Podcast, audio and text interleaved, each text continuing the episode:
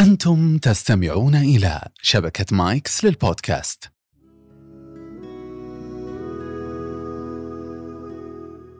السلام عليكم في هذا اليوم. ضيفنا سعادة الأستاذ مهند بن سليمان النعيمي مدير عام وكالة الأنباء البحرينية سابقا وله قصة طويلة مع التغيير فسوف نتحدث معه عن مهارة التغيير. مسيت بالخير أبو يوسف. مساك بالخير. أخوي ماجد واتمنى إن شاء الله تكون حلقة سريعة وممتعة مع جمهورك إن بإذن شاء الله الله تعالى. أول شيء أنا سعيد بالتعرف عليك أونلاين فترة طويلة. صحيح. ثم التقينا وقدمنا دورات مع بعض. شركاء والحمد لله. الله يعطيك العافية. كان دبلوم في الإعلام قدمنا سويا. في الجامعة الالكترونيه. نعم نعم أكثر من موقف يعني كنا مع بعض والحمد لله شرف لي أيضا. ان أنا أنا أمامك. موجود وانت رب. ومجال ال social media يعني نعتز فيها وكفاءة بالعكس نفخر فيها خليجيا وعربيا. الله يسعدك يا رب. حابين نتكلم عن مهارة التغيير كيف ينظر لها أبو يوسف التغيير بالنسبة لي عندي كثير قصص في حياتي في مجال التغيير وشلون الواحد ممكن يستفيد منها أو شلون الواحد ممكن يطوعها في تحقيق أهدافه. التغيير مهارة أساسية في حياة أي إنسان، البعض قد يمكن يوصل لمرحلة اليأس أو مرحلة الخوف من التغيير، لكن التغيير يجب أن يكون سنة في الحياة إلى الأفضل دائما. بإذن الله تعالى خلينا نأخذ مدامك قلت تجارب أه وأنت طفل كان طموحك أن تكون معلم أه رياضة. هذه مشكلة. ثم بعد ذلك أصبحت ما شاء الله عليك معلم إنجليزي مو برياضة. إيه. ثم بعد ذلك آه، قادتك الظروف إلى أن أصبحت مدير عام وكالة الأنباء البحرينية. كيف التغيير اللي كان يعيش فيه أو تسير فيه في حياته والله يمكن واحدة من القصص الصراحة فعلا أقول لك غيرت من شخصيه مهند. يعني كان بداية طموحي في الثانوية العامة إن شنو حلمي؟ حلمي كان بس مجرد اصير مدرس رياضة. وإني أتعب وأدرس وذي عشان أصير مدرس رياضة، تقول لي ليش تصير مدرس رياضة؟ يمكن وقتها كان مدرس الرياضه هو أحسن أستاذ عندنا في المدرسة اللي نحبه دائما تعرف نعم شخصية لا شخصية دائما قريبة من كل الطلاب، فكنت دائما شخصيتي اجتماعية فحبيت إني أكون مدرس رياضة، وفعلا الحمد تخرجت بمعدل جيد وحصلت بعثة من وزارة التربية، لكن البعثة كانت صدمه بالنسبة لي. البعثة؟ كانت مدرس إنجليزي. زين أنا من عالم عربي مدرسة حكومية ومدرسة ما في يعني تخصص عادي ما كنت ملم كنت أقدر أقول لك صفر كنت إنجليزي وقتها إلى أنك تنتقل إلى مدرس لغة إنجليزية في أربع سنوات. فعشت أول تجربة صدمة مع مجموعة من الزملاء كلنا كنا طموحنا رياضة تحولنا كلنا إنجليزي مرة واحدة. فكانت التجربة إن زين شو نسوي؟ قعدنا أول سنة درست برا يعني لا لا في البحرين درسنا أول آه. سنة جامعة جامعة البحرين كانت لغة إنجليزية فدخلنا عالم جديد. الإعراب بالإنجليزي ال- ال- قصدي ال- ال- الشعر بالإنجليزي. اللي كنا أول قال الشاعر هنا شو اسمه تدخل في مواضع الأيروني وكيف المفارقات بالانجليزي زين إحنا إحنا عربي وكنا يلا يلا بعد تقول كنا لحقنا والحمد لله قدرنا نخلص. يهمني هالمرحلة تحديدا. إيه. عندما تصطدم بحاجة كيف يكون عندك مرونة وتغيير للخطة بما يتناسب مع أهدافك فأعطينا هنا كيف ممكن الواحد يتعامل مثل مع مثل هذه الظروف كانت الصدمه ماجد بدايه إن أنت أهلك أنت الحين خلاص أنت طلعت لك بعثة فأنت عندك مشكلتين، مشكلة جانب رسمي إن أنت مبتعث من جهة ومبتعث معناته أنت موقع اتفاقية يجب أن تنهي هذه المهمة وأمام أسرة أنت خلاص شافتك انه بتكون أنت مدرس إنجليزي. زين من داخل مهند مو طموحي أو مو حلمي كان أقل كبداية. فكانت الفكرة شنو الحل أو وين ممكن نتجه؟ يعني يجب أن ندرس جميع الخيارات. الخ- أنا هل كان عندك خيار الانسحاب الحين خيار ال- ال- الانسحاب أو التغيير كان صراحة وقته. فيجب أن أبحث عن خيار. فكان خياري إني أبحث عن تخصص يلائم شخصية مهند. شخصية مهند اجتماعية يحب يتكلم يحب يكتب يحب يعبر دائما كان في الم- في المدرسة كقصص يكتب قصص. فوين التخصص الأقرب؟ فكان تخصص الإعلام الأقرب. فوقتها بديت أسأل وأتأكد إنه كيف ممكن أحاول. بديت أقنع أهلي قالوا كي توكل على الله لكن أنت أمام اتفاقية مع وزارة التربية. كيف بيوافقون؟ كان تخصص الإعلام وقتها من أغلى التخصصات في البحرين. أها. فايضا حتى عندك مشكلة الجانب المادي شلون بتغطي الجانب المادي لكن التوفيق من الله سبحان الله يعني بعد ما عزمت فيها وقاومت وقابلت أكثر من شخص وقدمت أكثر من خطاب إلى أن جتني الموافقة إن قبلنا إنك تتحول وتنتقل إلى عالم الصحافة والإعلام في يعني. كملت أربع سنوات ولا لا ما كملت اول سنة فقط أول سنة كانت صدمة. إنجليزي وحولت كان صدمة فكان لازم أواجه مش أمامي أنا امام مشكلة يجب أن أتخذ قرار الآن كان ممكن إني أواصل لكن عارف الخسارة راح تكون أكبر في السنوات الثانية راح تكون أكبر. ممكن أتعرض حتى إني ممكن أنسحب من الدراسه وقتها. لكن قررت إني أتخذ قرار جريء إني فعلا اغير تخصص وأحقق شيء على الأقل في مهارة عندي. أنا شيء قاعد أحبه. فكان أقرب شيء إني أحبه هو الدخول في عالم الصحافة خلينا نقول والاعلام لو كان عندنا خيارين في التغيير. تغيير داخلي إني أغير أنا أفكاري وقناعاتي وأستجيب إني أذهب إلى أن أكون معلم إنجليزي. الخيار الثاني تغيير البيئة والظروف الخارجية. بما ينسجم مع أهدافي أنا أنت أخذت الخيار الثاني وغيرت ظروفك صحيح. من معلم إنجليزي إلى ما. يخدم إذا كان. طبعا خلاص أنت واقعك مدرس إنجليزي وكان حلمك رياضة إلى إنك تتغير تخصص آخر هني كنت لازم أتكيف لازم أبدأ أطور أشياء كثيرة عندي صح أنا كان عندي مهاره أحب الكتابة في المدرسة وأحب الأشياء معينة لكن أيضا فتح- فتحت تحدي جديد أمامي إني أنا كيف يجب أن أواجه تحدي جديد مو معناته إني رحت الإعلام خلاص انحلت المشكلة فكنت نعم. لازم أبدأ أطور نفسي وهذا ما حصل في السنوات اللي بعدها ما شاء الله تبارك الله. طيب خلينا أبغى أدخل إلى آه، جزئية أثناء عملك في عالم الإعلام ودخولك إلى عمقه. أعطيني كذا بس آه، بعض الشغلات يعني القصة لاول مرة أقولها. آه، أول ما بديت حياتي الجامعية قررت إني أد... يعني أشتغل في الصحافة من أول سنة جامعة. عشان أقول لك أنا عشان أقاوم موضوع حل المشكلة اللي أنا دخلت دخلت عالم جديد عالم الصحافة والإعلام اللي ما كان في البال أساسا. فأتذكر كان عندنا ندوة في صحيفة الأيام وكان وقتها كان رئيس صفحه الشباب اسمه يوسف بن خليل. فبعد ما خلصنا الندوه الشبابية وطموح الشباب وذي فقلت له حاب إني أكتب عندكم. فقال لي زين اقترح لي فكرة عشان انك تكتب. فرحت البيت وأفكر أفكر إن كيف ممكن أنا أرجع أكتب في الجريدة. فجت فكرة إني أكتب قصص أسبوعية في صفحة الشباب كان اسمها سندباد في الجامعة. يا سلام. سندباد في الجامعة حكم علاقتي مع الطلاب مع المدرسين كنت أعرف أسرار كثيرة وقصص كثيرة. فكنت كل خميس أكتب طلع سندباد على البساط السحري وراح كلية الآداب والله راح كلية إدارة الأعمال وشاف المشكلة الفلانية وش هذي ماجد وصلت لمرحلة إن الناس يوم الأربعاء تقول الله يسر سندباد إيش راح يكتب. منو سندباد ست سنوات.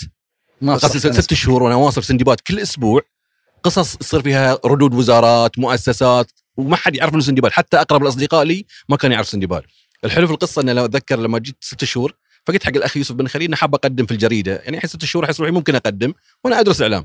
فجيت الرئيس التحرير ما عندي CV CV الكذب اللي هو السباحة وركوب الخيل والرماية وذي وهو ولا واحد فيهم شو اسمه سباحة حتى نص نص. فكان عندي السيرة الذاتية سندباد فقط صراحة. وكاتب إنجليزي 100% وما فيوم شاف رئيس التحرير أول ما فتح الورقة اسمه عبد الله سلمان ولها قصة أيضا في حياتي في تغيير في تغيير في حياتي. فتح قال لي أنت سندباد؟ قلت له yes أنا سندباد قال لي بكرة تداوم. وما زلت أذكر هالكلمتين ما قال لي ولا شيء. فتح ال CV قال لي أنت سندباد؟ له نعم. قال لي بكرة تداوم معنا في قسم التحقيقات الصحفية. خلاص واضح الخط. فتقول سبحان الله شوف شلون تكيفت نفسك تغيرت من شيء إلى دخلت عالم جديد وهو عالم الصحافة والإعلام. من المفارقات الحلوة في هذا المجال؟ لا أنت كمان تغيرت في الناحية. إيه. بديت مع الصحافة التقليدية بطريقتها الاعتيادية. صحيح. أنا أبغى اسالك عن قصة اللي هي أنا أعتبرها مربط الفرس في هذا اللقاء. تغيرك ومواكبتك ومرونتك مع التغيرات التي تحدث في عالم الصحافة والإعلام وتحديدا خلينا نتكلم عن صحافة الموبايل وبدايتها في الخليج. إذا جو يأسسون لها اسمك دائما يذكر. صحيح. أعطينا هنا التغييرات اللي حصلت. قصة جدا جميلة جام أخوي ماجد. يعني فيها مفارقات وفيها تحديات صارت. إن في 2009 أول ما طلع ال BlackBerry Messenger كان وقتها الشات كل الشات اللي نتكلم عنه في جيلنا كنا نتكلم عن الشات في المنتديات في المواقع الإلكترونية. ما كان في شات فعليا في, المو... في الهواتف الذكية. فطلع ال BlackBerry Messenger في 2009 فكنت بد- بداية الب... كانت ثورة عند الناس انه في شيء جديد نقدر نكلم بعض. نفس فكرة الواتساب في الجيل الحالي لكن فك- وقتها 2009 كان BlackBerry Messenger فشلون إحنا قاعد نتعامل مع جهاز جديد ونقدر نكلم بعض نقدر نرسل صور نقدر فيديو فيديوهات. فكان الفكرة انه صارت فوضى في أول شهور في الخدمة. مقاطع مسيئة أشياء معلومات. نعم. إشاعات. فجتني فكرة كون أنا صحفي. كوني كنت وقتها انتقلت للعمل في مجلس الوزراء. انه كيف ممكن أطوع هذه التقنية في خدمة تخدم الناس. فبديت وقتها في 2009 في ديسمبر 2009 إني جت الفكرة أنا كنت قاعد أتناقش مع سعادة المستشار نبيل حمر اللي هو حاليا مستشار جلاله الملك أقول له أنا عندي عندي فكرة إني بسوي أستغل ال BlackBerry في خدمة إخبارية. زين أول مرة ما قد صارت في الخليج وتعرف ان في أحد يستخدم ال chatting في موضوع إنه يقدم خدمة للناس كأخبار. وملخصات وجرايد وكاريكاتير وذي. ما قد جتنا. مواقع إلكترونية كان إيلاف وقتها موجودة الوحيدة. الصحف نعم. كانت حتى عندها مواقع لكن مواقعها كانت copy مجرد اللي في في الجريدة الورقية ينشر على الموقع ما كانت تحدث وقتها. فجتني الفكرة إنه كيف ممكن أطوع جهاز ال BlackBerry أو خدمة ال BlackBerry Messenger لنشر المعلومات. هني المفارقة الحلوة والصعبة اللي صارت. فلما بديت الخدمة كنت أعتقد إن ال- ال- ال contact أو الجهاز الواحد يقدر يحط ال limit تحط فيه أرقام. وسألت الشركة قالوا نعم ال limit تقدر تحط فيه أرقام. فلما بدأت الخدمة تفاجأت خلال أقل من 12 ساعة وصل لي message يقول لي أنت you reach the maximum contact فوصلت 2000 فشلون 2000 زي والبقيه والناس اعلنا وصار في دعم من الجرايد وأعلن عنه في الصحف. مؤسسات أعلن عنه. والناس تنتظر شلون نضيف شلون نضيف الخدمة؟ فكلمت الشركة أتذكر شركة اتصالات في البحرين موجودة. فكلمت ال call center وهذا كان موقف مضحك. فاقول له أخوي طلع لي message يقول لي you reach the maximum contact قال لي كيف أخوي؟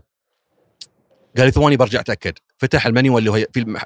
مال ال error اللي يطلع لهم أو اللي يردون على الزباين قال أخوي سامحني هذا ال error مو موجود عندنا أساسا لأن ما توقعنا أصلا في حياتنا ان في شخص راح يوصل عنده 2000 مشترك في أقل والخدمة توها مفتوحة.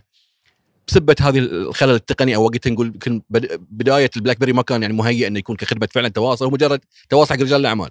فاضطريت من تليفون واحد إلى 40 جوال. أوه كل واحد فكان معي 2000 40 جوال أشيلهم كل يوم كانوا يسمونهم عيالي وعندي صور كثيرة منشورة في السوشيال ميديا. كنت دائما شايلهم معي في كل قهوة في كل مطعم في كل بيت في كل في ترسل من 40 العمل جوال؟ من جوال لجوال. يعني تخيل الون البودكاست اللي حاليا تسوي سلكت اول وسند كنت أضطر أفتح 40 جوال إذا عندي خبر عاجل. أفتح هذا الموبايل اكبر أرسل الموبايل الثاني والثالث والرابع. يا الله. فكانت الحمد لله أقدر أقول إن هي بداية صحافة الموبايل على الهواتف الذكية تحديدا.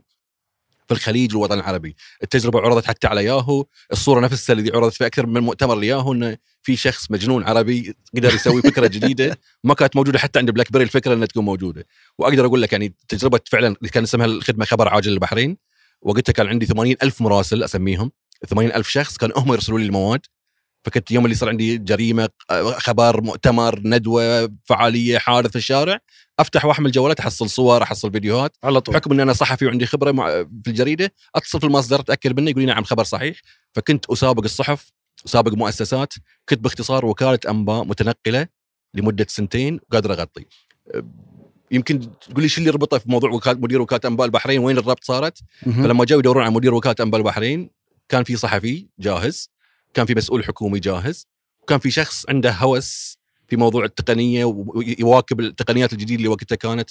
وهني كان حسن تم الاختياري على بناء هذا الأساس. أعرف إن عندي الحمد لله كان عندي خبرة في الصحافة وخبرة في العمل الحكومي لكن أقدر أقول لك إن الجوال أو الموبايل هو سبب تعيين مهند النعيمي كمدير وكالة انباء البحرين وقتها في 2011 وما زال شغف آه، الجوال شغف الموبايل الصحفي الذي بداخلك ينبض. صحيح. من خلينا نقول نقطة تغيير صنعتها حقيقية في حياتك قادتك إلى هذه النجاحات. صح.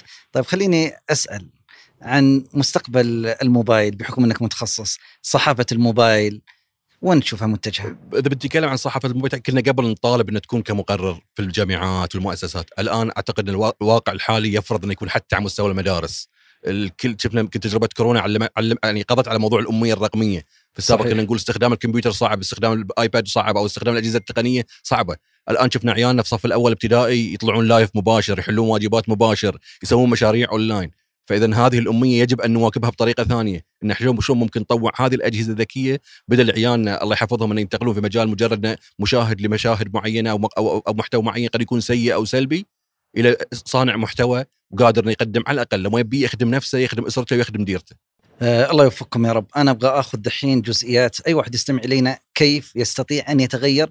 أنت أعطيتنا تجربتك في التخصص تجربتك في العمل المهني الإعلامي. خلينا ناخذها الآن بصفة عامة. مهارة التغيير. كيف أنا أقدر أكتسبها في حياتي؟ وكيف أقدر أطبقها؟ أول شيء تحتاج منك الجرأة والشجاعة إنك أنت فعلا تواجه المشكلة.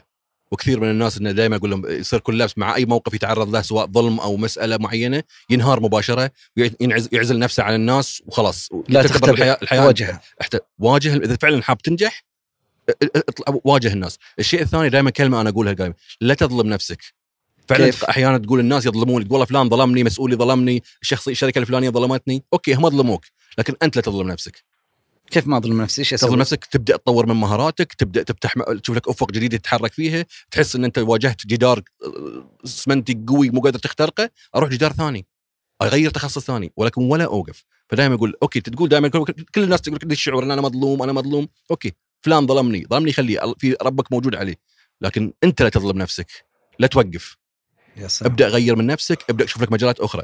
الشيء الثاني دائما أقول لك كلمة دائما أكررها ماجد. وهي طبقتها على نفسي أنا.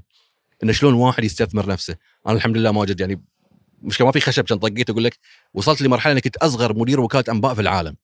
ما شاء الله. كم كان عمرك وقتها؟ كان يعني ب 2011 قد تقول يعني 31 سنة. ما شاء الله. أيوه يعني 30 سنة طيب تقريبا 30 سنة. في 2011 كنت اسمه؟ آه، كنت 30 فكنت 29 30 سنة. فكنت وقتها أصغر مدير وكالة أنباء في العالم. تقول لي شلون تحقق الحلم؟ أقدر أقول في كلمة واحدة هي شلون الواحد يستثمر في نفسه نفسه مهند اللي كان كان دا- داخل يفكر في مدرس رياضة اللي قدر يواجه تحدي وجه صدمة أمامه انتقل بعدها في عالم الإعلام. من عالم الإعلام لو أقول لك قصتي شلون كنت أداوم يوميا عشان تقول لي شلون كلمة تستثمر في نفسك كنت أول شيء اضطريت إني أحول دوامي مسائي. فكانت الدراسة مسائية. زين الصبح شو تسوي؟ الصبح كانت في خدمة في جامعة البحرين يسمونها طالب متعاون. إنك تشتغل آه، ساعة واحدة في اليوم مقابل تحصل 800 ريال. أوه. فساعة واحدة ب 800 أنا كنت أشتغل كل يوم ثمان ساعات في نفس الراتب لأن هي ما لها علاقة اشتغلت ساعتي فكنت يوميا من 6 ونص أداوم في العلاقات العامة والإعلام في الجامعة إلى الساعة 2 أطلع بعدها أكمل دراستي مسائية. بعد المساء الساعة 10 أنتقل جريده الأيام وأشتغل إلى 2 الفجر. وأرجع مرتين الساعة 6 ما شاء الصبح. الله ما شاء الله. فأقول لك الحمد لله يمكن قدرت إني أوصل في سنة رابعة جامعة إلى أنا راب يعني رئيس تخ... رئيس أخبار رئيس الأخبار المحلية في أهم جريدة في البحرين وأنا ما زلت على كرسي مقاعد الدراسة. وكان وقتها صدمه تعرف إنه في جيل موجود صحفي مؤسس أقدم منك كفاءات موجودة. شلون قدر الجيل بالتحدي والاستثمار في النفس إنك تخترق هذه الصفوف ويكون اسمك بينهم؟ يا سلام. اذا هذه أكثر من خطوة أنا كذا قاعد اتلمسها في حديثك. الإصرار العمل البذل أكثر من حاجة. طيب أنا أبغى كذا وصلت الآن إلى الختام. إيش نقدر كذا نقول توصية لكل من يستمع إلينا في مهارة التغيير؟ إيش تقدر تقول له أول شيء لا تخاف. ثق إنك أنت قوي وقادر. ناس الناس تقول أنا ما أقدر ما أقدر ما أقدر. شخص أمامك مر بكل التجارب في الحياة وقدر إنه يسوي. الشيء الثالث اللي دائما أركز فيه فعلا كلمة الاستثمار في النفس. ما نقول إحنا دائما نسمعها استثمر في نفسك استثمر في نفسك. الواقع اللي فعلا حاب يحصل مردود يجب أن تستثمر في نفسك في كل خطوات مجال حياتك اللي أنت راح حاب تتخصص فيها. الشيء الأخير إن أنا قد ما أقدر أحط لي هدف و target أتحرك فيه. ال target والهدف مالي قد تكون في صعوبات في عراقيل موجودة. ذكائي أو شطارتي أو صبري وتحملي راح أحصل أو أجني ثمارة في المرحلة الأخيرة. بإذن الله تعالى، إحنا جرت عندنا العادة في نهاية كل حلقة آه، نسأل الضيف من تقترح أن نستضيف في بودكاست مهارات في الحلقات القادمة، فمن ترشح لنا ضيف؟ والله درجه ضيف فعلا لا مكانه في القلب وهو السلطان آه، سعد القحطاني زميل عملت معاه في صحيفة الاف كمراسل وأعرف إن فكرة وأسلوبه دائما يعجبني وما زلت أحد معجبينه. معروف ما يحتاج. وإن شاء الله أتمنى أن يكون ضيفة على هذا الكرسي بإذن الله. إن شاء الله تعالى أنه يستمع إليك الآن وإن شاء الله تعالى أنه يستجيب لنا بإذن الله. مشكور أخي ماي شكرا لك. شرفتوني في هذا اللقاء وربي يوفقكم فعلا مبادرة ريادية سابقة صراحة. نحتاج لمثل هذا المحتوى والله يوفقكم يا رب إن شاء الله. تسلم الله يعطيك العافية. في نهاية هذا البودكاست نبغى نتحدث عن مهارة التغيير أكثر وتطبيقاتها في الحياة. تأكد إذا لم تتغير من الداخل سوف تقودك الظروف الخارجية أن تتغير. فبادر بالتغيير وفق أهدافك وفالكم التوفيق بإذن الله. السلام عليكم.